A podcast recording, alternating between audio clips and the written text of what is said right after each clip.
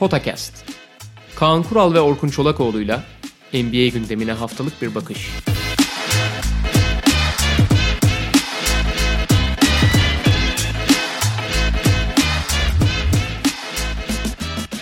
Merhaba, Potakest'e hoş geldiniz. Kaan Kural'la birlikte ligin yaklaşık 3'te 1'lik bölümü geride kalmışken bugün ödüller ağırlıklı konuşacağız. Kime göre neye göre abi? Bazıları oynayamadı maçlarını. Yani evet hani takvim olarak 3'te 1'i geride kalmışken ki zaten hani ben çoğu şeyde ya da genel olarak ondan bahsedeceğim.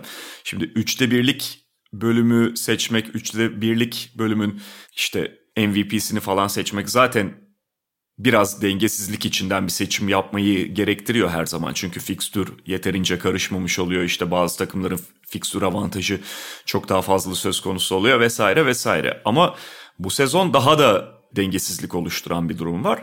Zaten o şerhi koşarak başta bu seçimleri yapıyoruz. Hani bir gelenektir diye biraz da ödüller üzerinden sezonun geride kalan bölümüne ya da belli dikkat çeken performanslara göz atmak için bunu yapıyoruz. Ama tabii ki dediğim gibi bunda şerh düşmek gerekiyor. Şerhi düşmüşken ben de şerhin alt maddelerini ekleyeyim bir iki tanesi. Birincisi abi bu sene zaten hani gerek off season gerek hazırlık kampı çok kısa olduğu için çok paldır küldür girdiler lige. Şimdi yavaş yavaş dereceler oturuyor ama bakıyorsun abi mesela sezona çok yavaş giren Denver toparlanıyor. işte çok hızlı giren Cleveland düşmeye başlıyor falan gibi. Hani daha üçte birlik bölüme geldik ama aslında hazırlık dönemi, takımların oturma dönemi yeni yeni bitti gibi. Hı hı. Bir de bunun üstüne acayip bir Covid e, şeyi eklendiği zaman, Covid yüzünden oynayamayan yıldız oyuncuların yarattığı etki vesaire eklendiği zaman yani hakikaten çok sağlıklı okumaları en azından belli takımlar ve belli oyuncular için yapmak çok zor açıkçası. Onu söyleyelim. Ve o yüzden de ben şey diyorum. Bu genelde Şimdi MVP'nin tabii ki standartları var ama çok keskin çizgileri yok. Amerikalılar işte özellikle takım başarısını acayip önemsiyor.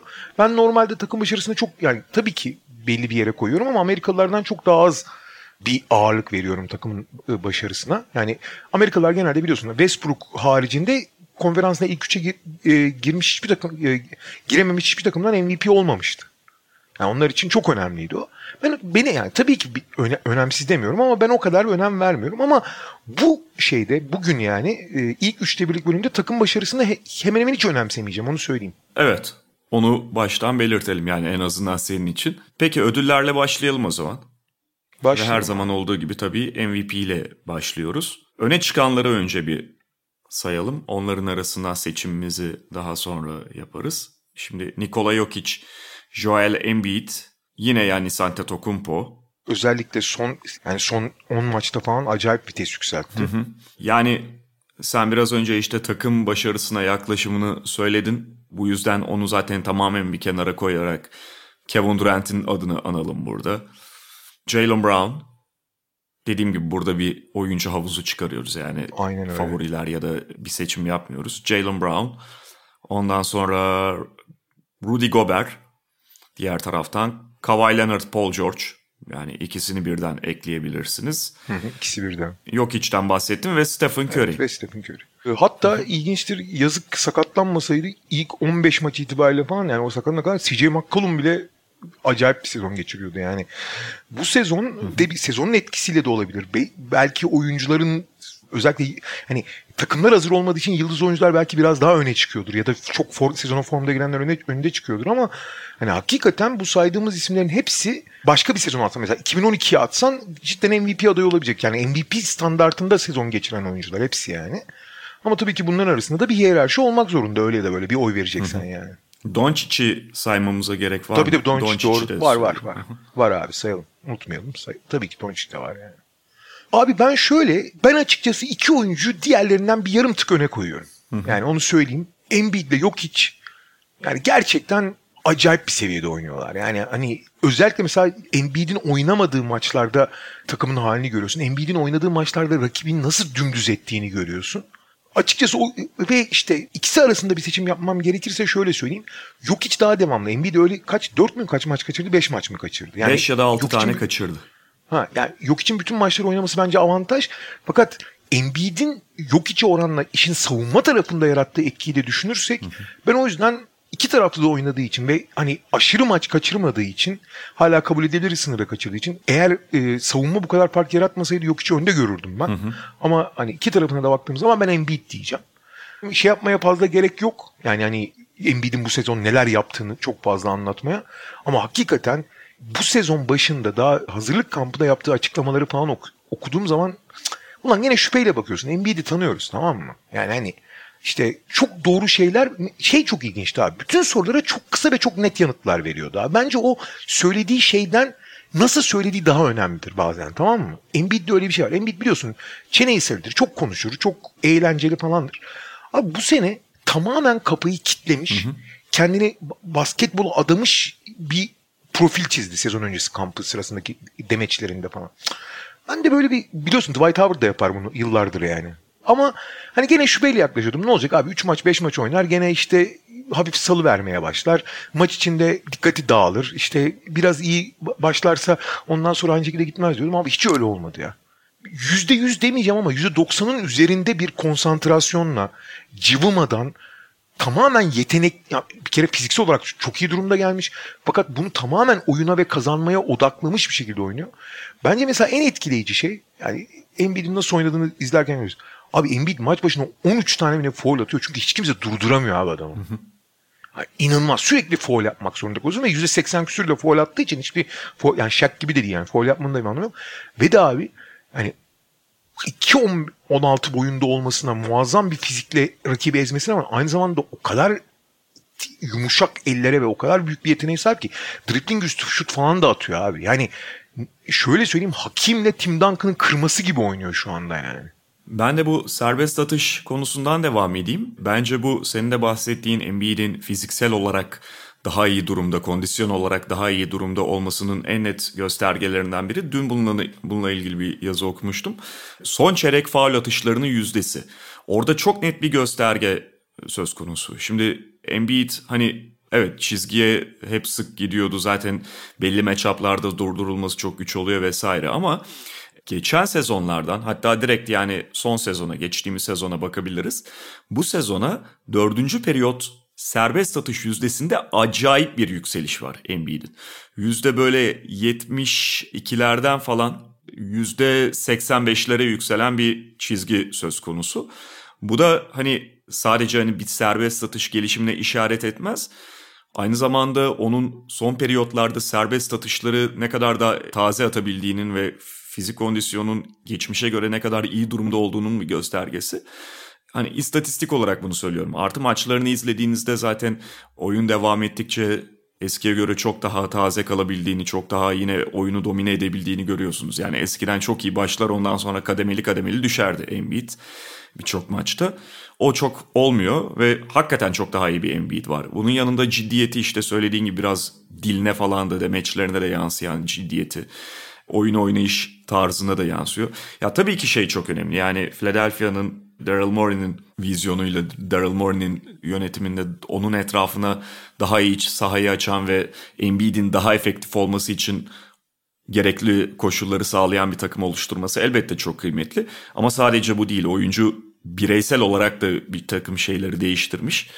Ya biliyorsun geçmişte Philadelphia'daki kulüp yapısı içerisindeki en büyük kaygı noktalarından biri Embiid'in fizik kondisyonuydu ve hani işte Brett Brown'un kendi ekibine söyledikleri bir yazıya yansıdı. Çok büyük mesele oldu yani. Ya bu adamı forma sokarız ya da hep birlikte kovulacağız buradan diye. Güzel bir öngörde, öngörde bulunmuş Brett Hoca. Onun ömrü vefa etmedi ama en azından şimdi Philadelphia daha iyi, daha hazır, kondisyon olarak çok daha iyi seviyede bir Embiid ile oynuyor ve sahada da farkı görüyorlar. Ya benim de açıkçası bu üçte birlik bölüm için net adayım Embiid. Şimdi yok için bireysel istatistikleri işte hücumda Nuggets'a getirdikleri tartışılmaz. Yani o da kesinlikle MVP seviyesinde bir oyun oynuyor. Ama yani burada Embiid ile Jokic arasında bir seçim yapmam gerekirse Jokic'in savunması daha doğrusu Denver'ın bütün olarak savunma problemleri direkt eler onları. Peki şöyle söyleyeyim. Sezonun ilk 7-8 e, maçı belki biraz onu aşağı çekmiş olabilir Hı-hı. ama şimdi Stephen Curry de biliyorsun yani aklını yitirmiş. Bu arada LeBron da yani ben bu sene LeBron'un çok rolantide oynayacağını, Cleveland'daki LeBron gibi normal sezonu tamamen Hı-hı. şey yapacağını düşünüyordum. e, söylediğini. Hani ikinci viteste geçip playoff'a doğru form tutup ondan sonra şampiyon odaklanacak ama tam tersine bütün maçları oynadığı gibi bütün maçları da tamam bütün, maçın tamamını %100 konsantrasyon ama maça nerede ağırlık zaten artık iyice ustalık dönemini yaşadığı için nerede ağırlık koyacağını falan bilip acayip şeyler yapıyor. Şimdi mesela 3 maçta Lakers dökülüyor uzatmaya falan gidiyor abi ama en kritik yerlerde nasıl Hı-hı. sorumluluk oluyor ama bütün sezonda aynısını yaptı zaten. Davis daha sezona gelmediği için Davis biliyorsun bu, bu sezon bir tane Chicago maçı oynadı. Evet. Başka diğer maçların hepsinde yatıyor yani. Ama LeBron da inanılmaz yönetiyor. LeBron şeyi takmış galiba kafaya benim anladım. Ben hiç öyle tahmin etmiyordum ama abi bir MVP de almak istiyor LeBron. Ve şu anda biliyorsun Amerikalıların çoğunda favori gösteriyorlar. Amerikalılar çünkü bayılır öyle şeylere. E, başarı hikayelerine. Bu arada hani MVP'ye uzak olduğu için falan değil. Çok yakın onlara yani hani yok, yok işte şey. Ben şeyi soracağım abi. Bu arada Kavay da bence mesela kariyerinin en iyi normal sezonunu geçiriyor. Abi herkes o kadar iyi sezon geçiriyor ki bahsedilmiyor. Kavay da kariyerinin en iyi normal sezonunu Paul geçiriyor George da çok iyi oynadığı için Kavay biraz şeyde kaldı. Yani. Kavay'ın yani. oyununa yeteri kadar belki de hakkı verilmiyor. Abi şaka gibi. Şey soracağım peki abi. Bu Sokey gibi olsaydı bu. Bu Sokey'in de biliyorsun en iyi ofansif ofansif MVP diye bir ödül var. Hücum MVP'si ödülü olsaydı kime verirdin abi? Yok içi. İşte ben orada Curry ile arasında çok kalıyorum ya. E, çok haklısın abi. Ya Stephen Curry'e bazen yani bu hani Amerikan basında falan değil ama genel takip ediyorum işte taraftar nezdinde ne bileyim sosyal medya falan acayip haksızlık yapılıyor. Arada bir kötü maç çıkardığında. Abi Stephen Curry'nin şu anda yani birebir her şey aynı değil ama Golden şu Golden State takımını playoff'a Batı konferansında sokarsa 2006 Kobe Lakers benzeri bir şey yapacağını iyi görmek lazım. Stephen Curry tarihin en olağanüstü sezonlarından birini geçirdi 2016'da. 2016'ya benzer bir oyun oynuyor yani. Hı hı. Yani rakamsal olarak ve çok daha zor bir takımda yapıyor bunu yani.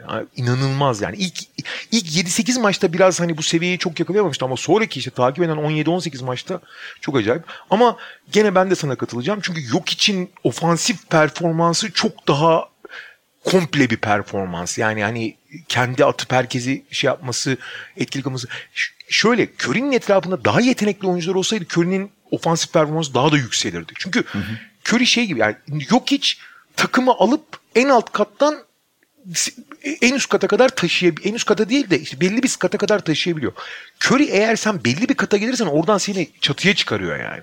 Ve yani Curry ile ilgili şunu söyleyeyim. Ben dediğim gibi hani yok hiç diyorum ama şu anda Curry'nin takımı gerçekten bazen özellikle bazı akşamlarda çünkü bir günü bir gününe uymayabiliyor Golden State'in diğer oyuncularının. Hiç yardım edemiyorlar Curry'e ya. Hiç yardım edemiyorlar. Şimdi deminki o 2006 Lakers örneğini abartılı bulanlar belki olabilir. Kelly Oubre'yi, Andrew Wiggins'i falan o kadar gözümüzde büyütmeyelim. Kelly Oubre biliyorsun geçenlerde mesela geçen hafta bir tane 40 attı. Ama Ondan bir sonraki maçta da yine rezalet oynadı ki sezon genelinde çok kötü şut atıyor. Draymond Green hiç potaya bakmıyor artık. Abi Tamamen şey, bir pasör olarak. Abi Draymond Green. Andre Iguodala olmuş ya. Abi pota dibinde bomboş Abi Andre Iguodala bile daha fazla şut atıyordu yani. Abi bir kere zaten biliyorsun 2016'da Draymond Green ciddi ciddi üçlük atıyordu abi. Tabii, %36 ile falan. Abi şimdi korkunç üçlük attığı gibi artık senin söylediğin şey çok önemli. Potaya bakmıyor bile abi. Bakmıyor bile yani. Hayır abi tamamen zaten şey Stephen Curry'i ya da o hiç çıkamıyorsa diğerlerini arayan bir pas, pasör olarak görev yapıyor Draymond Green. Ha kıymetli mi hala kıymetli yani o oyun aklı çok ileride ve takımı tanıyan falan bir oyuncu olarak o pas istasyonu olması, pas dağıtıcı olması, savunmada da eskisi kadar iyi olmasa da hala bir takım şeyleri toparlayabiliyor ve yönlendirebiliyor olmasıyla kıymetli.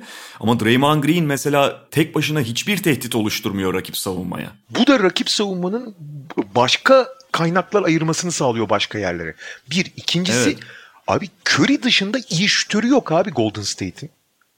Şimdi Curry dışında iyi şütörün olmadığı zaman hani işte Ubre, Wiggins, Damian Lee falan işte Pascal, Mascal birileri atıyor atmasına da hiçbiri iyi şütör değil bunların abi. Ortalama ortalama üstü şütör en iyi ihtimalle yani. Abi bu da bambaşka sonuçlar yaratıyor. Abi doğru düzgün mesela atıyorum şimdi Clay Thompson tabii ki çok akla gelen örnek ya da Kevin Durant ama abi Clay dönmüş olsaydı atıyorum Leandro Barbosa hala burada olsaydı, Sean, Sean Livingston olsaydı, yani 2016 kadrosuna benzer bir kadro olsaydı burada, abi Curry'nin hani gerçekten 2016'dan bile o görkem yani gelmiş en görkem sezonlardan bile daha e, çılgın işler yaptığını görebilirdik yani.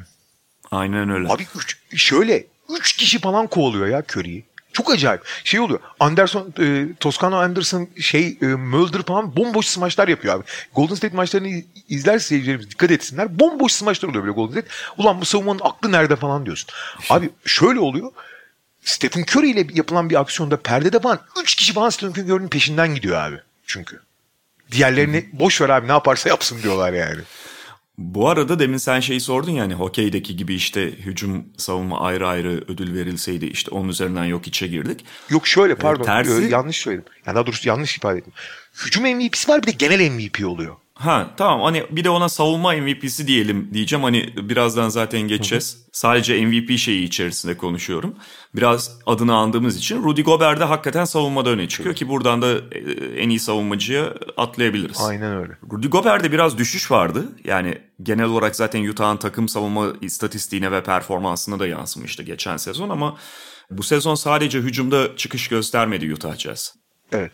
Ya onlar tabii stratejiyi değiştirip yeni bir oyun planına döndükleri için çünkü onlar Derek Favors ve Go- Gobert'li 5 yani iki sezon önceki savunma ağırlıklı, savunma temelli yapıyı tamamen bir tane çember koruyucu dört tane sabit şütör olarak değiştirdiler. Ve bütün kurguyu da takım planlamasına, takım mühendisliğini de buna çevirdiler. Fakat bu doğal olarak da savunmadan ödün vermek demek abi. Şimdi bakıyorsun Mike Conley fena savunmacı değildir. iyidir hatta. Biraz küçük kalır ama iyidir. Çok akıllıdır falan. Donovan Mitchell ortalama ama hücumdaki rolünde düşündüğü zaman ortalamanın üstü değil. Bogdanovic fizikli ama o da ha- hareketlilik sorunları yaşayan bir oyuncu. Royce O'Neal iyi birebirci ama bunların hiçbiri komple düşündüğün zaman çok üstü İngiliz zayıf savunmacı zaten. Clarkson zayıf savunmacı vesaire. Abi her şey Gober'in varlığı üzerinden kurgulanmış.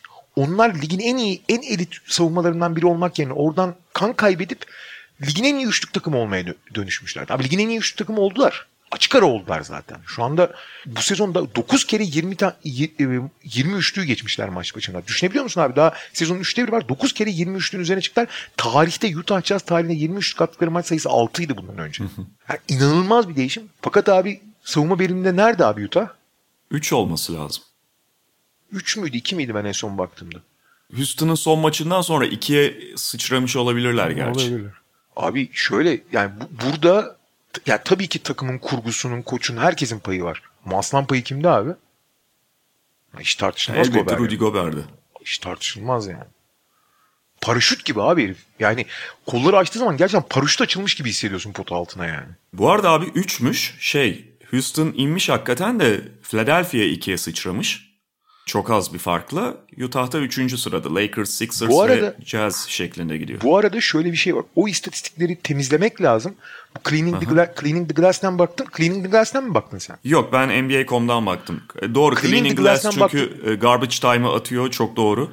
Garbage time'a atıyor ve Utah'ın 3. 5'i çok zayıf olduğu için 30 olan farklar hep 15'lere falan düşüyor abi oralarda. O yüzden Orada Cle- 2 mi? orada 2 galiba. Cleaning the Glass'ta 2'ydi en son ben baktığımda.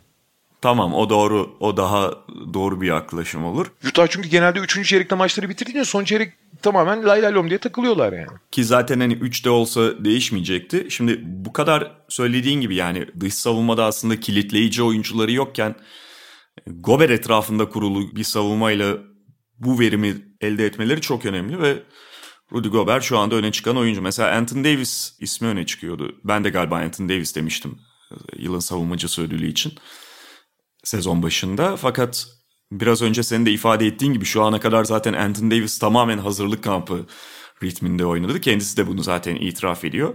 Dolayısıyla o kendi kendine elemiş durumda. Abi Davis'le ilgili şunu söyleyeyim. Abi Davis'in serbest atış yüzdesini biliyor musun bu sene?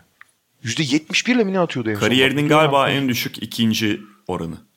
Yani şöyle belli bir oyun olgunluğu belli bir seviyeye geldikten sonra böyle bir yüzdesi yok abi. Ya geçen sene Anthony Davis teknik faulleri atıyordu Lakers'ta. Hani geçen sene ekstra kötü bir Lakers vardı şut anlamında. En azından ben uyarıda bulunana kadar. Ama %70 ile atıyor abi Anthony evet en Davis. kötü ikinci değilmiş. Direkt en kötüymüş. Hatta açık ara en kötüymüş. Anthony Davis bu sezon %70 ile atıyor. Geçen sene senin söylediğin gibi serbest şey teknik foul'larda %85 ile atıyordu abi geçen sene. Hani ne kadar ne kadar ritimsiz olduğunun ispatı bundan daha iyi ispatı olmaz yani.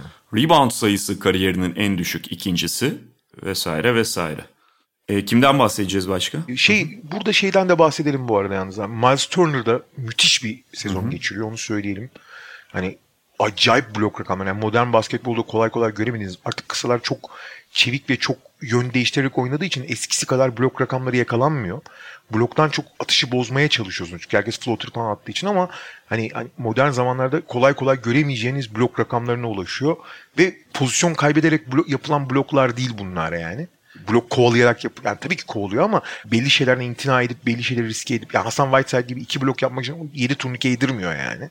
O yüzden hani onun da hakkını verelim ama abi Gober Gober NBA'nin en elit savunmalarından birinin tamam tamamen temel prensibi Hı-hı. yani. Ki bu sene şimdilik zaten onun dışında da çok fazla öne çıkan savunma takımı yok. Ya da olanlarda da rol birkaç kişiye dağılıyor. İşte mesela Lakers savunma reytinginde birinci sırada ama Anthony Davis bahsettiğimiz gibi bir düşüş yaşarken bunu sağlıyor Lakers. Bu da hani rolde ne kadar dağılıyor görebiliyoruz maçlarında. Sixers'ta tamam Embiid biraz öne çıkıyor olabilir ama tek başına değil. Orada Simmons'ın ve belli başka faktörlerin de etkisi var. Rudy Gobert kadar öne çıkan bir savunma oyuncusu yok dolayısıyla ve işte söylediğim gibi Miles Turner kadar. Yılın koçu belki de tek isabetli tahmin yaptığım kategori gibi duruyor şu ana kadar benim. Çünkü Quinn Snyder demiştim. Ben ne demiştim ya? Ee, seni hatırlamıyorum. Ben Quinn Snyder demiştim ben ve demiştim. şey yani tek iyi hissettiğim kategori. Ben Carlisle mı demiştim acaba? Carlisle demişsem iyi zırvalamış olabilirim. Kuzenim demiş. Ee, hatırlamıyorum. Carlyle demiş olabilirim çünkü de, kim denedim ya kim dediğimi de hatırlamıyorum açıkçası ama yani o tahmin zaten şu ana kadar değerlendirme olarak bakacaksak ki öyle bak- bakıyoruz yani şu anda.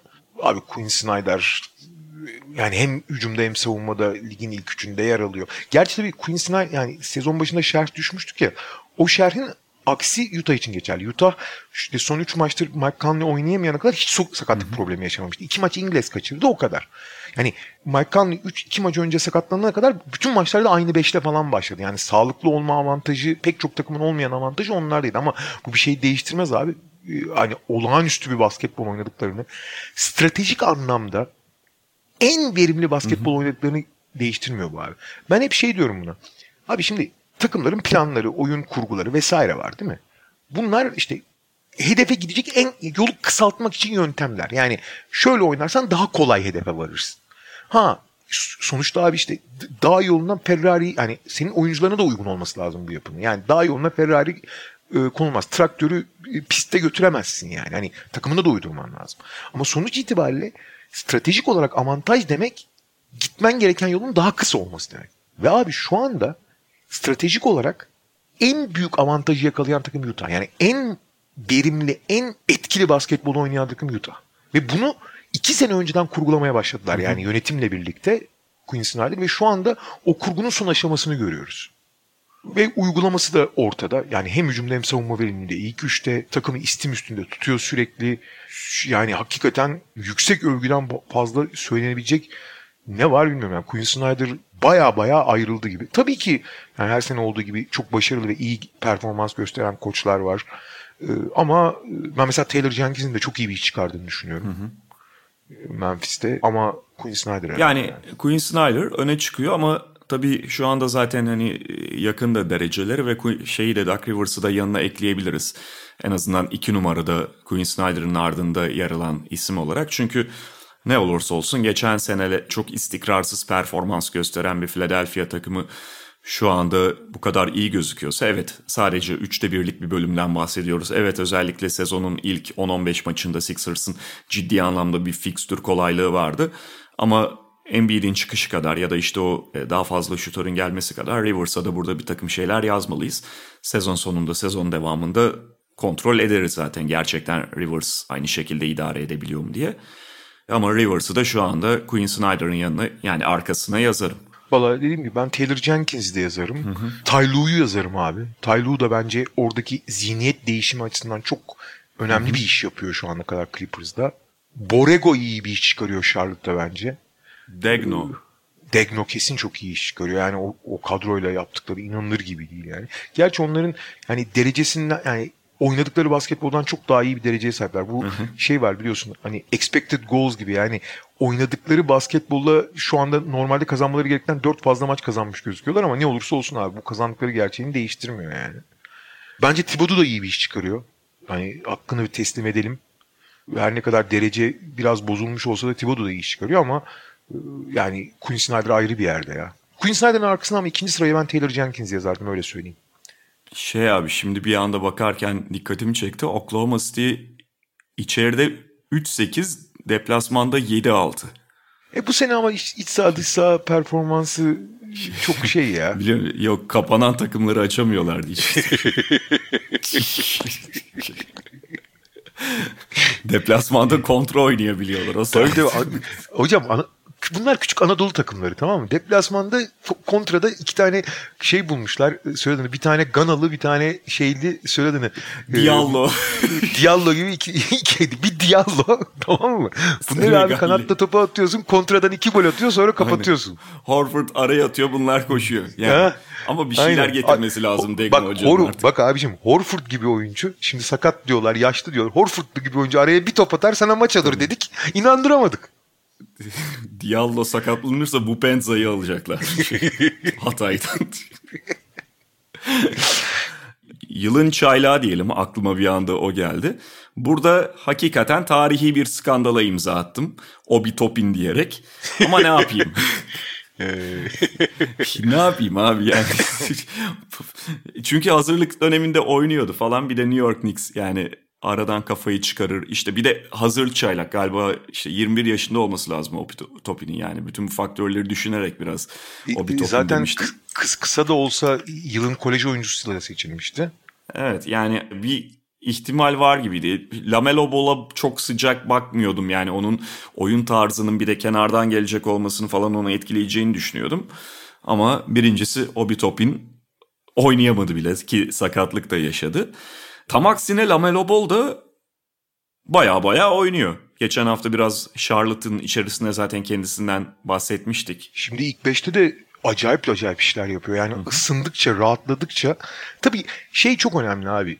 Takımın oynadığı oyun ona o kadar uygun ki. Yani çok pas temelli, çok genç, ateşli, coşkulu bir takım ama pas temelli oynayan bir takım. Yani ideal senaryo Lamelo için. O da rahatladıkça, özgüven tazeledikçe hataları rahatsız etmeyecek ama bir taraftan da Borrego abi biliyorsun bütün Charlotte camiası, basın mensupları falan abi Lamelo ilk 5 başlamalı, Lamelo ilk 5 başlamalı falan derken çıkıp net şey dedi ya. Bunu kolay kolay bir koç demez abi NBA'de.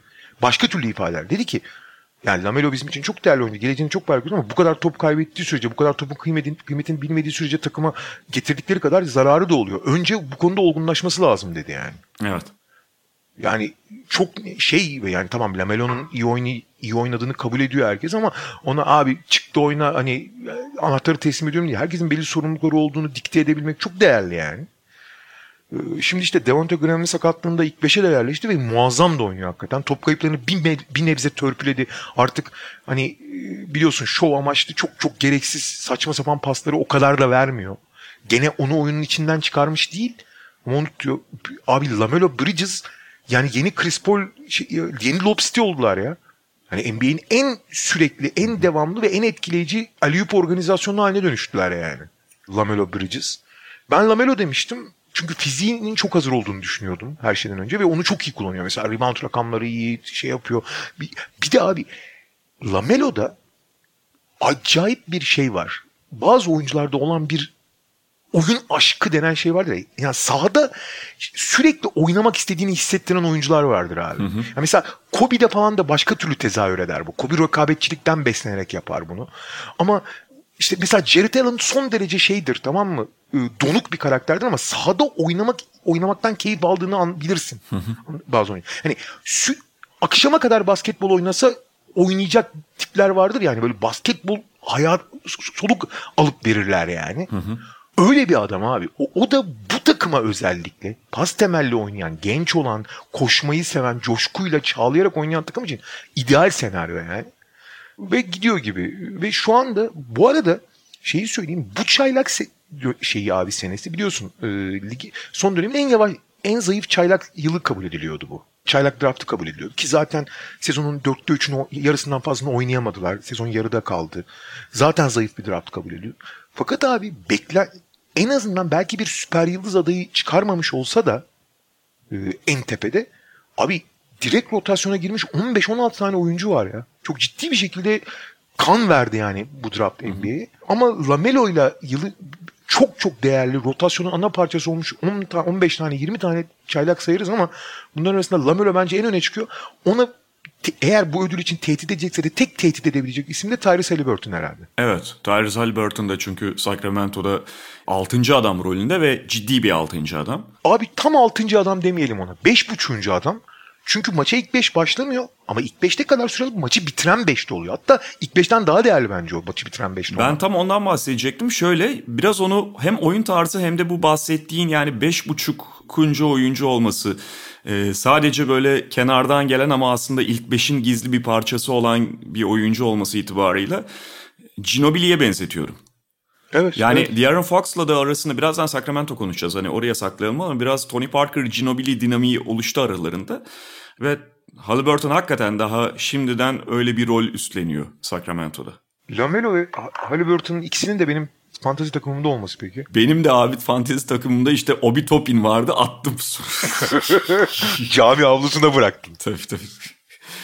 Yani Ben de şey de vardı. Ben şeyi de çok beğeniyordum da e, sakat Okungu'yu da çok beğeniyordum ama Okungu hem sakatlık hem o takımdaki o pozisyonun çok dolu olması mi? Bu sene hiç oynayamayacak Evet. belli oldu yani.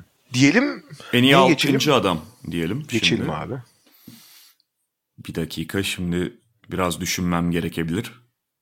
Abi orada bir tane favori var. Birkaç aday var ama bir tane favori var. Jordan Clarkson abi. Hani Evet. hani tek kelimeyle müthiş oynuyor. O takım yapısına da çok uymuş. Biliyorsun Clarkson'ın en önemli özelliği çok başına buyruk olmasıydı. Ondan biraz başına buyrukluk istiyorlar. Yani ikinci beşin ana skoreri olmasını istiyorlar ama yapıdan çok kopmadan ve bu değişimi inanılmaz yapmış durumda Jordan Clarkson. Ee, takımın en skoreri ikinci oyuncusu abi Clarkson. Kenardan gelmesine rağmen. Ee, 17,5 sayı ortalamayla Donovan Mitchell'dan sonra en skoreri ikinci oyuncusu yani. Bütün kenardan gelen oyuncular arası- arasında da en skoreri ikinci oyuncu. Ee, müthiş yani hani gerçekten ha, e, oyununu takıma uydurmayı da çok iyi başarmış durumda. Bence çok çok iyi iş çıkarıyor yani. Onun dışında e, bir sürü daha aday var tabii. Chris Boucher var Toronto'da. Başka kim var? Ya şöyle geçen senenin en önemli favorilerinin bu sene biraz düşüş yaşamış ya da başka faktörlerle mesela Schroeder biz geçen sene aslında onun ödülü alması gerektiğini düşünüyorduk. İkinci oldu Montrezl Harrell'ın ardında. Ama Schroeder şu anda artık 6. adam değil. İlk 5 çıktığı için devre dışı kaldı. Josh Hart var abi. Var ama o yani Bu arada Montre tepeye giremez bence bu listede. bence de şey var. Memphis Grizzlies'in tüm bench var ama onların zaten 6. adam diye bir konsepti yok abi. Biliyorsun abi Valanciunas'ta Jaren Jackson Jr. sakatken yani takımın en önemli 3 oyuncusundan ikisi sakatken 10 kişilik rotasyon oynayıp herkese 20 dakika üzerinde süre veriyorlardı. O nasıl bir 6. adamlık ya? En iyi bench ödülü olsa Memphis alır ama bak. Kenardan şimdi az önce Lamelo'dan bahsettik. O da son dönemde şeyin sakatlığıyla falan ilk 5 çıktı ama kenardan geliyordu. Kaç maçı hatta kenardan gelip oynamış onu da söyleyeyim. Tabii ilk 20 maçı. Yani ne kadar daha devam ettirecek ilk 5'te kalmayı bilmiyorum ama o da aday olabilirdi sezonun ilk bölümünün sürekli kenardan gelip oynadığı için. Ee, şeyden bahsediyorum. Schroeder artık hani bu kategoride yer almıyor ilk 5 çıktığı için. Montrezl Harrell biraz geriye düştü. Yine katkı veriyor. Yine ciddi katkı veriyor. Hatta ismini de anmak lazım ama geçen seneki kadar belki öne çıkan bir durumu yok istatistiği itibarıyla. Lou Williams da mesela her zaman olağan şüpheli ama e, Lou Williams'ın da bireysel performansı gerilemiş durumda. Bayağı gerilemiş durumda. hem de. Ben de Jordan Clarkson diyorum o yüzden. Ki yani o Utah takımı içerisinde geçen seneden beri onun çok kritik bir rolü var. Aynı şeyi de devam ettiriyor. Geçen sene hücum tıkanmaları Utah'ın daha fazla söz konusu oluyordu ve Jordan Clarkson daha fazla dikkat çekiyordu. Bu sene gürül gürül aktıkları için e, belki arada bazen kaybolabiliyor ama aslında aynı katkıyı veriyor Jordan Clarkson. Daha daha fazla katkı veriyor yapı içinde de kalabildiği için yani. Sezon öncesi tahminim benim Danilo Gallinari'ydi ama alakası yok şu ana kadar yani. Ben buna kim dediğimi unuttum. ne dedim acaba ya? Bakarız onlara Saçma ara ya. sapan. Clarkson demiş olabilir miyim? Olabilirsin diye düşünüyorum da yani Harrell da demiş olabilirsin. yok Harold demedim ondan eminim abi. Harold demedim. Harold demedim ama kimin dediğim de aklıma gelmedi açıkçası. En çok gelişim gösteren. Oo. Her zaman çok aday vardır ama bu sene bir aday hepsini eziyor galiba. Jalen Brown mu? Abi şimdi Jalen Brown benim şeyimdi hani sürpriz adayımdı. Abi Jeremy Grant ya. Ha Yani Jeremy Grant doğru. geçen seneye yedek başlayıp daha sonra takımın 5. yani ilk 5'e geçtikten sonra Millsap'in sakatlığında takımın 5. 4. 5. opsiyonuyken e, takımdan ayrıldığında ben şey diyordum hani birinci opsiyon olacak yeteneklere sahip değil gibi görüyorduk. Abi şu anda hani birinci opsiyon olmayı net başardı ve net bir, bir iyi bir şampiyonluk adayının ikinci opsiyon olabileceğini gösterdi abi. Dakikalarını arttırıp kullandığı top sayısını artırıp verimi hiç düşmeden bunları arttırabilmek inanılmaz bir gelişimdir. All-Star seviyesinde oynuyor abi. 24.5 sayı, 5.5 rebound, 3 asist ortalama ve %45 şut, %40 üçlük atarak yapıyor bunu yani. Ee, Detroit'in derecesi kötü olduğu için belki şey gözüküyor ama Detroit mesela derecesinden Oklahoma tersine derecesinden çok daha iyi basketbol oynayan, çok daha yakın basketbol oynayan bir takım.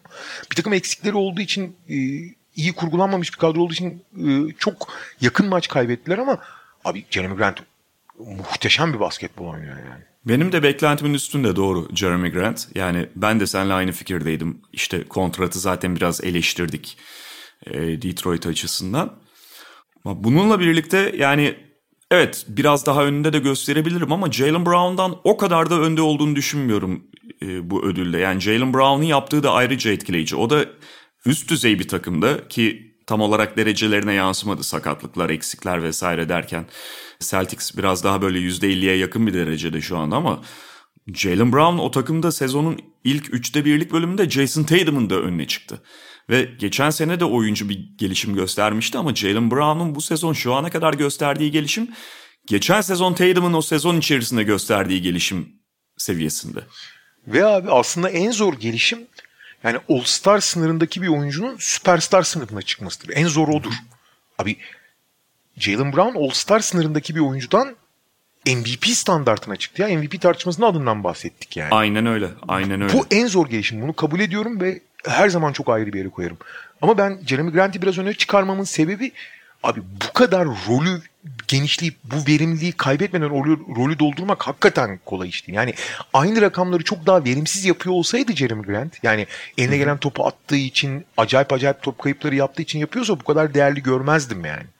Hani hakikaten Jeremy Grant'in total çıktığı yani bütün oyun yelpazesiyle birlikte çıktığı yer çok etkileyici. Ha daha zor bir çıkışı, daha zor bir yere çıktı belki Jalen Brown ama totalde Jeremy Grant'ı o yüzden bir adım önde göreceğim, görüyorum hala ben. Doğru. Beni Jalen Brown'da şey de çok etkiliyor. Yani bu verimlilikten falan bahsettin. Abi %48'di geçen sene isabet şey field golü Jalen Brown'un ki gayet iyi aslında Tabii bir dış oyuncu için ve %38'leri üçlük atıyordu. İşte faul atışında %72'ye gelmişti. Belki çok çok iyi değil ama kendi kariyerinin en iyi düzeyi. Bu sene %52'ye çıktı. Üçlükte %43'e çıktı. Faal atışında %76'ya çıktı. Ve rolü artarken sayı ortalamasını 20 küsürden 27 bandına kadar getirirken 27'ye dayandırırken yaptı bunu. Acayip bir gelişim bu. Ve takımda özellikle Kemba'nın da kötü olduğunu düşünürsen takımda Hı-hı. ana hücum iki ana hücum opsiyonundan biri olarak savunmanın ekstra ilgisine mazhar olduğu halde ki o iki ana opsiyondan biri de e, ciddi bir süre kaçırdı yani. Çoğu maçta tek baş tek opsiyondu yani. Evet. Ve hatta yani asist ortalaması da 3.4'e çıktı 2.1'den. Top kaybı çok oynamadan. Şeyden de bahsedelim abi. Julius Randle da bence önemli bir yani hı hı. rolü değiştikten sonra o rolün yani bir nevi LeBron gibi oynamaya kurgulandıktan sonra o rol biçildikten sonra onun altından kalkması yani ne şut seçmeyi ne pas seçmeyi hiç bilmeyen evet yetenekleri vardı ama şut ve pas seçmeyi hiç bilmeyen bir oyuncuya şut ve pas seçme sorumluluğu vermek hakikaten büyük cesaret ama o da mesela Embiid gibi sezona çok fit, çok konsantre gelmiş ve onun ödülünü alıyor. Artık hani yüzde yüz demeyeceğim. Zaman zaman hala ufak tefek kaçıyor şeyinden. Yani kafa gidebiliyor zaman zaman ama çok büyük oranda şut ve pas seçmeyi öğrenmiş evet. durumda ya. Yani hakikaten şey fason Lebron gibi oynuyor abi.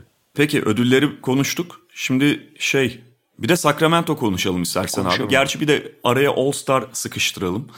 Philadelphia'da konuşacaktık ama Embiid üstünden zaten Philadelphia'yı daha doğrusu Philadelphia'da konuşacağımız şeyin büyük bölümünü Embiid'de konuşmuş evet. olduk. Onu öyle aradan çıkarmış olabiliriz ama gündemde iki önemli konu daha var. Biri Sacramento'nun formu son maçı kaybetmiş olsalar da Sixers'a. Bir de All-Star tartışması.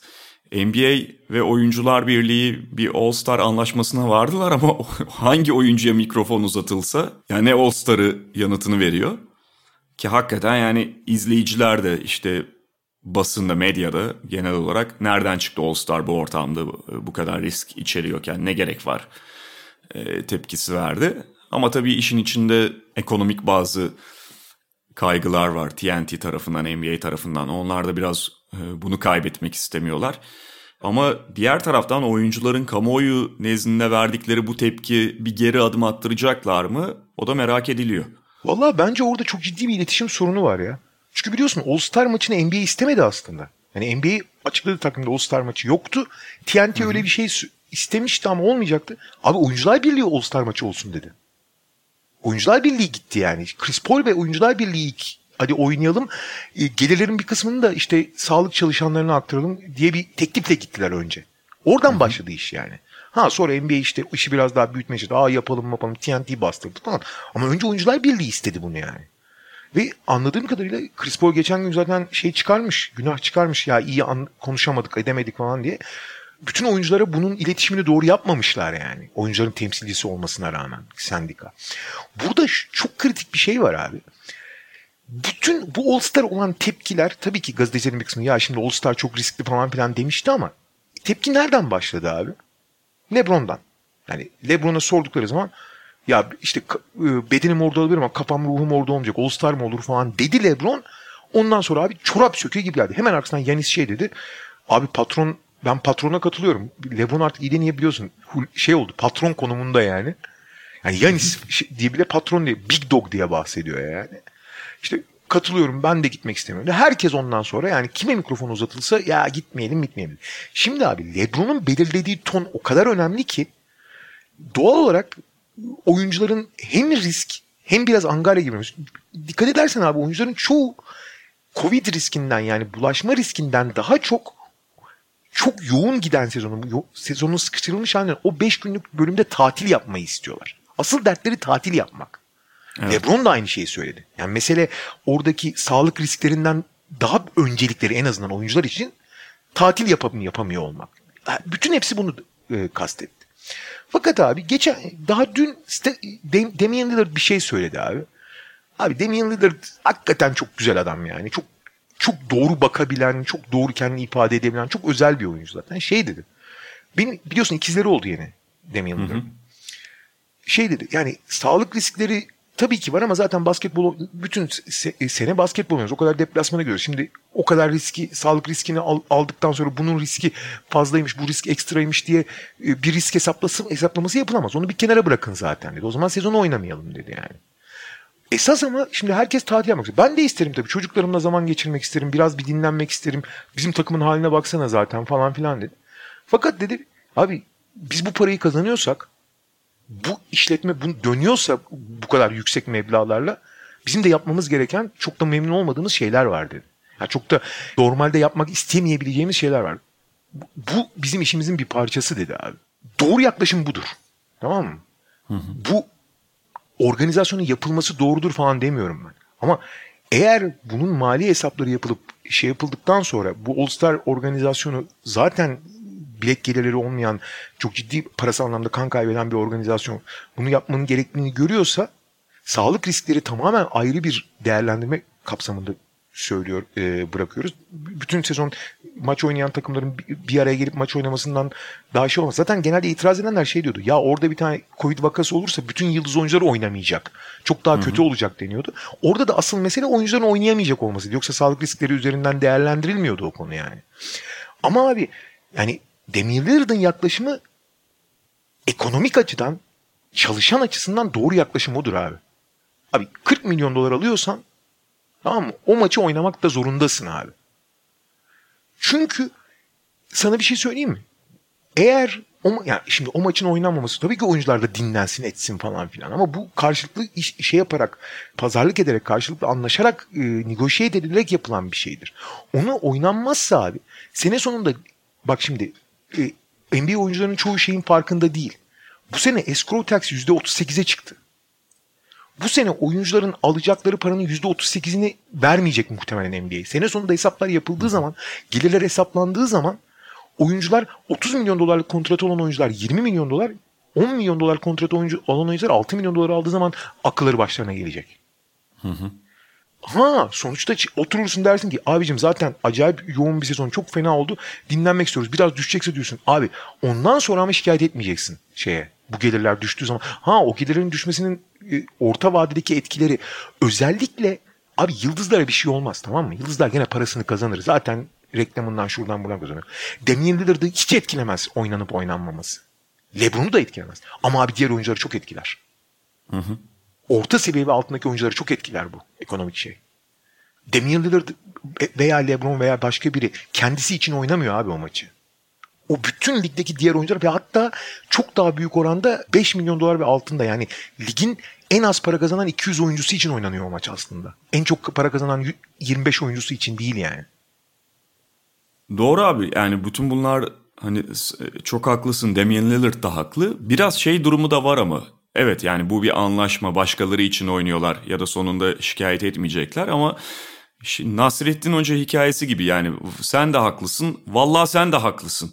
Çünkü işte bir ortama toplayacaksın bu oyuncuları vesaire zaten her yerde gittikleri her yerde evet risk barındırıyor yaptıkları deplasman yolculukları vesaire ama orada bir tane vaka çıksa oyuncular arasında ondan sonra böyle şey temas izlemeden falan birkaç tane oyuncu iptal olsa oraya giden oyuncular herhangi birer oyuncu değil abi. Sıradan oyuncular değil. Yani bu defa All-Star maçını yaptırayım derken sen belki 2 hafta 10 gün bilmiyorum ne kadarsa 5-6 tane belki daha fazla oyuncuyu devre dışı da bırakmış olabilirsin sezonun kritik bir bölümünde. Lige çok ciddi zarar vereceksin. Ligin adaletine de zarar vereceksin. Doğru çok haklısın. Ama o da ekonomik abi. Sonuçta bunlar ekonomik riskler alınabilecek riskler ekonomik e, şeyler e, fedakarlıklar ve ekonomik riskler üzerine kurulu bu düzen. Ama şeyle ilgili değil bu. Yani oyunculara ne derler oyunculardan bir sonuçta asıl mesele burada sağlık riskinden daha başka riskler, ekonomik riskler daha ön planda. Yani onu demeye çalışıyorum. Peki çok kısa Sacramento konuşup bitirelim o zaman. Ee, Sacramento 8'de 7 kazanmıştı. Son maçı da Sixers kaybettiler ama orada da yine rekabetçi olmayı başarabildiler. Yani bundan 2 hafta önce Sacramento hiç bunu bu çıkışı gösterebilecek bir takım gibi gözükmüyordu. Ee, aramızda da konuşuyorduk. Sabit 120 yiyen bir Sacramento takımı vardı. Ki bir taraftan da gösterdikleri bu gelişime rağmen son iki haftadaki çıkışlarına rağmen hala savunma reytinginde sonuncu sırada Sacramento. Yani Washington'ın falan bile altında. Ama diğer taraftan en azından çok iyi hücum ettiler bu iki haftalık 9 maçlık periyotta ve rekabetçi olabildiklerini gösterdiler. Hatta Batı konferansında zaten çoğu takımda böyle öne çıkmamış e, durumda. Herkesin hemen herkesin sorunları var. Playoff resminin içerisinde Sacramento yani şu anda 9. sırada işte 8. Golden State'in sadece yarım maç arkasında bulunuyor Sacramento ve kendilerini yarışa dahil ettiler. Dediğim gibi hani hala bu takım çok iyi savunma yapamıyor ama en azından iyi hücum edemediklerini görüyoruz ve Luke Walton kadro sadeleştirdi ciddi anlamda. O da önemli faktör evet. oldu. Yani belli maçları özellikle işte son bir buçuk periyodun falan 6-7 kişiyle falan oynadı Luke Walton. Ya şöyle bir şey var. Dave Yoger zamanında o müthiş hiç beklenmedik çıkı yakaladıklarında bu takım Hı-hı. yüksek tempodan çok beslenerek oraya gelmişti. Fakat Walton başa geldikten sonra sezona Darren Fox'un sakat girmesi, iyi başlayamaları, Buddy Hield'ın divalığı falan derken tepe taklak gittiler ve Bogdan Bogdanovic ve e, Nemanja Bielica'yı ilk beşe monte ederek çok daha düşük tempolu ama çok daha ne yaptığını bilerek biraz takıma denge buldu. Şey Luke Walton o dönemde. Daha iyi oynadılar, daha derdi. Fakat abi şöyle bir şey var takımı derleyip toparladığın zaman aynı zaman yani tabanını yukarı kaldırdığın zaman tavanını da aşağı çekiyorsun abi. Ve nitekim Bogdan Bogdanovic geçen sene çok başarılı oldu. Ayrılmasını da çok istemiyorlardı ama ayrıldıktan sonra ayrılması iyi geldi onlara. Çünkü Nemanja Bielica'yı da tamamen rotasyon dışına attığın zaman Nemanja kötü oynadığı için değil. Bu yapıda oynayamadığı için çok daha yüksek tempolu, enerjiden beslenen, acayip sürat yani Darren Fox kimliğinde bir takıma dönüştükleri zaman asıl etkili oldukları basketbol oynamaya başlıyor. Ha burada tabii aynı Embiid Philadelphia ilişkisi gibi abi. Darren Fox'un da hani sakatlıklarla kaç senedir sakatlıklarla boğuşuyor. Aynı zamanda çok daha konsantre. Yeni kontratı alıp o kontratın hakkını vermeye çalışan bir Darren Fox gibi oynayıp çok daha konsantre olması, orta mesafe şutunu geliştirmesi, çok daha lider karakterle oynuyor olması çok önemli. Ama Darren, yani takım Darren Fox kendi karakterini bulup takım da Darren Fox karakterini bulunca her şey bir kere daha verimli olabilecek. Daha doğrusu tavanı daha yüksek bir eksene oturdu. Ha bunu tamamlayacak bir takım faktörler var. Birincisi bu Buddy Hield'ın divalığını ne yapacağız abi? Yani eline gelen her potaya atacak. Buddy Hield. Kimi tekim öyle yapıyordu sezon başından beri. İyi attığı gün iyi, kötü attığı gün kötü. Başka da bir şeye karışmıyor. Fakat abi işler iyi gitmeye başladıktan sonra geçen gün şey oldu abi. Bir maçtan sonra e, Denver maçı diye Hield çok kötü evet. attı. 14'te 3 mü attı evet. ama 5 asist yaptı abi. Abi Luke Walton şey dedi. Yani en olumlu oynadığı maç dedi. Abi Buddy Hield bile o Diva bile bu oynanan oyundan keyif almaya başladıkça ona kendisini uydurabiliyor abi. Şey nasıl maç işler kötü giderken herkese bir depresyon çöker, bir bıkkınlık gelir, gereksiz sorunlar ortaya çıkarsa işler iyi gittiği zaman, keyifli bir şey yapıldığı zaman da kendi kişisel e, hedeflerinden, kendi kişisel beklentilerinden uzaklaşıp kendi bir yapının içinde de aynı keyfi alabilecek hale getirebiliyorsun. Buddy Hill bile uyum sağladı ona. Diğer tarafta sezon başından beri çıkıntılık yapan, daha doğrusu geldiği günden beri çıkıntılık yapan Marvin Bagley biliyorsun babası çıktı hmm. neler neler dedi zaten. Benim oğlan süper topçu onu hep oynatmalısın bana dedi. Abi takım iyi gittiği zaman bu sefer onun da onlara ayak uydurması gerektiği gördü. Şimdi Marvin Bagley ilk 5 başlıyor ama maçı bitiren 5'te yok. Eğer doğru şeyleri yapacaksan, oynayacaksan oyna. Yoksa hani seni barındırmak zorunda değil bu takım yani. Sen onlara uymak zorundasın. Haline gelince bir anda işledi. Bir de buraya şöyle bir şey geldi abi. Maç sonunu Tyrese Halliburton'la oynadıkları için. Tyrese Halliburton abi Darren Fox'a mükemmel bir tamamlayıcı. Çünkü Darren Fox NBA'nin en süratli oyuncusu. Bu takımın yıldızı vesaire. Fakat ikinci bir karar verici lazım bu takıma. Darren Fox sıkıştığı zaman ya da Darren Fox'la birlikte Darren Fox'tan beslenen Darren Fox'u besleyen ikinci oyun kurucu lazım. Yani Darren Fox'un hem yaratıcı hem bitirici tarafını desteklemek için böyle bir ikinci yaratıcı lazım. Tyrese Halliburton'la oynadığın zaman abi Halliburton da kendi atabiliyor, takımı da besleyebiliyor. Çok akıllı bir savunmacı, ince ince ama akıllı savunmacı vesaire. Şöyle bir şey oldu abi. Şimdi Halliburton ince ama akıllı, pas kanalı oynuyor falan. Darren Fox aslında bir kısa için muhteşem bir savunmacı abi. Hı hı. Ben onun kadar iyi lateral hareketi olan savunmacı görmedim ama yapmıyordu eskiden. Şimdi abi işleri iyi gidince o da bir çaba gösteriyor. Sacramento'nun iyi bir savunma takımı olma ihtimali yok abi. Çünkü her şeyden önce Richard Holmes'la oynuyorsun abi. Tamam Richard Holmes çok yırtıcı, çok istekli istekli falan da abi hiçbir caydırıcılığı yok potu altında. Potu altında caydırıcılık olmadıktan sonra e, bir yere kadar savunma yaparsın. Ama en azından çaba olduğu zaman kısalar böyle akıllı savunma yapıp rakibin organizasyonunu zorlaştırdığı zaman en azından özellikle maç sonlarında çünkü biliyorsun Sacramento 7 maç kazan işte 8 maçın 6'sını mı kazandılar ne? 8 bütün maçlar 7. son top bütün maçlar son topa kaldı zaten. Evet. Maç toplarında ama işte oralarda fark yaratabilecek hareket şeyleri yapabiliyorlar, hamleleri yapıyorlar. Maçın genelinde savunma yapamıyorlar belki ama oralar, oralarda yapabiliyorlar abi. Hem hücumu hem savunmayla birleştirerek. Bu tabii biraz aldatıcı yani. Her maçın sonunu böyle oynayamazsın yani. İyi oynasan bile o biraz yazı tura oluyor. Yani en iyi ihtimalle %60-%60'a getiriyorsun kazanma şansını. Ama bu takım kendisini kendi potansiyelini maksimize edecek oyunu oynamaya başladı ve bütün oyuncular da bu buna inanarak bu yola girdikleri için şu anda abi açıkçası 30 takım içinde izlemesi en keyifli takım bence. Ve Harrison Barnes da orada mesela şey oluyor. E, Bagley'den bahsettin ya sen. Her zaman iyi bir parça olmuyor Bagley. Hatta hı hı. işte önceki hafta kazandıkları bazı maçlarda Bagley'i son periyotlarda hiç oynatmadı Luke Walton. Bir tanesinde zaten oyundan atıldı galiba New Orleans maçıydı çift teknik faulle oyundan atılmıştı ama şöyle bir şey oluyor. Kenardan Tyrese Halliburton'u getiriyorsun ve onu ne bileyim 3 numaralarla falan eşleştirebiliyorsun. Fox, Buddy Hield, Tyrese Halliburton yan yana oynatıyorsun. Harrison Barnes'ı dörde çekiyorsun ve zaten Barnes o işi götürüyor. Hatta belli takımlara karşı 4 numaraya çekilmesi Harrison Barnes'ın takıma da daha iyi geliyor. Oyuncuya da daha iyi geliyor. Oradan sana alan açıyor, şut sokuyor. 4 numaraları savunabiliyor Harrison Barnes. Golden State'te falan da bunu yapıyordu.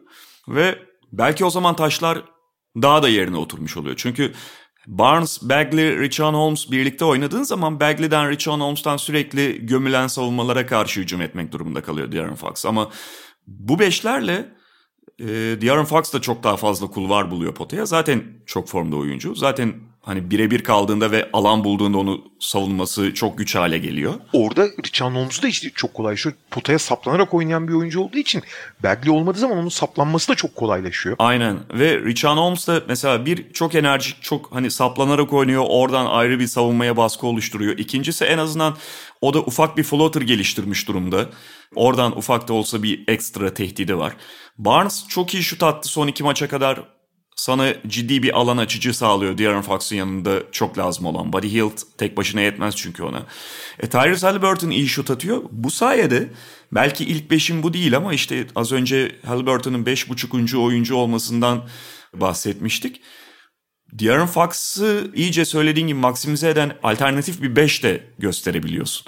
Ve evet hiçbir zaman belki çok çok iyi bir savunma takımı olmasın mümkün değil bu takımın ama en azından çok iyi hücum edebilen, durdurulması zor bir hücum takımına dönüşebiliyorlar ki bu 9 maçlık periyotta işte 7 galibiyet aldıkları periyotta da en önemli faktör buydu. Ama abi gidip gelip yani Philadelphia için de aynı şey geçerli. Lakers için de Sacramento için de abi işte LeBron, Embiid, Halliburton, Curry abi onlar böyle oynadığı için bu takımlar yükseliyor. Yani bu temelde bu. Hı hı. Yani Ha bunu kolaylaştıran, bunu zenginleştiren bir sürü öge var. Saydık zaten program içinde de. Ama abi Embiid böyle olduğu için, Curry böyle olduğu için, Fox böyle olduğu için, LeBron böyle olduğu için bu takımlar bu standartta yani. Ve bir de gerçekten rotasyonları çaktırmadan çok daralmış durumda. Özellikle hani kritik maçları falan böyle son periyotta dediğim gibi 7 kişiyle 6 kişiyle oynadı bazen hiç değiştirmedi. Bu tabii ki orta ve uzun vadede bir risk barındırıyor Sacramento için. Yani bir sakatlık olsa işte bir Covid vakası olsa hatta bunların yanında yorgunluk söz konusu olabilir. Yorgunluk onları aşağı çekebilir. Sacramento'nun yine düştüğünü ve bir anda takıldığını görebiliriz. Peki böylelikle kapatıyoruz. Bugünlük bu kadar diyoruz. Tekrar görüşmek üzere haftaya. Hoşçakalın. Hoşçakalın.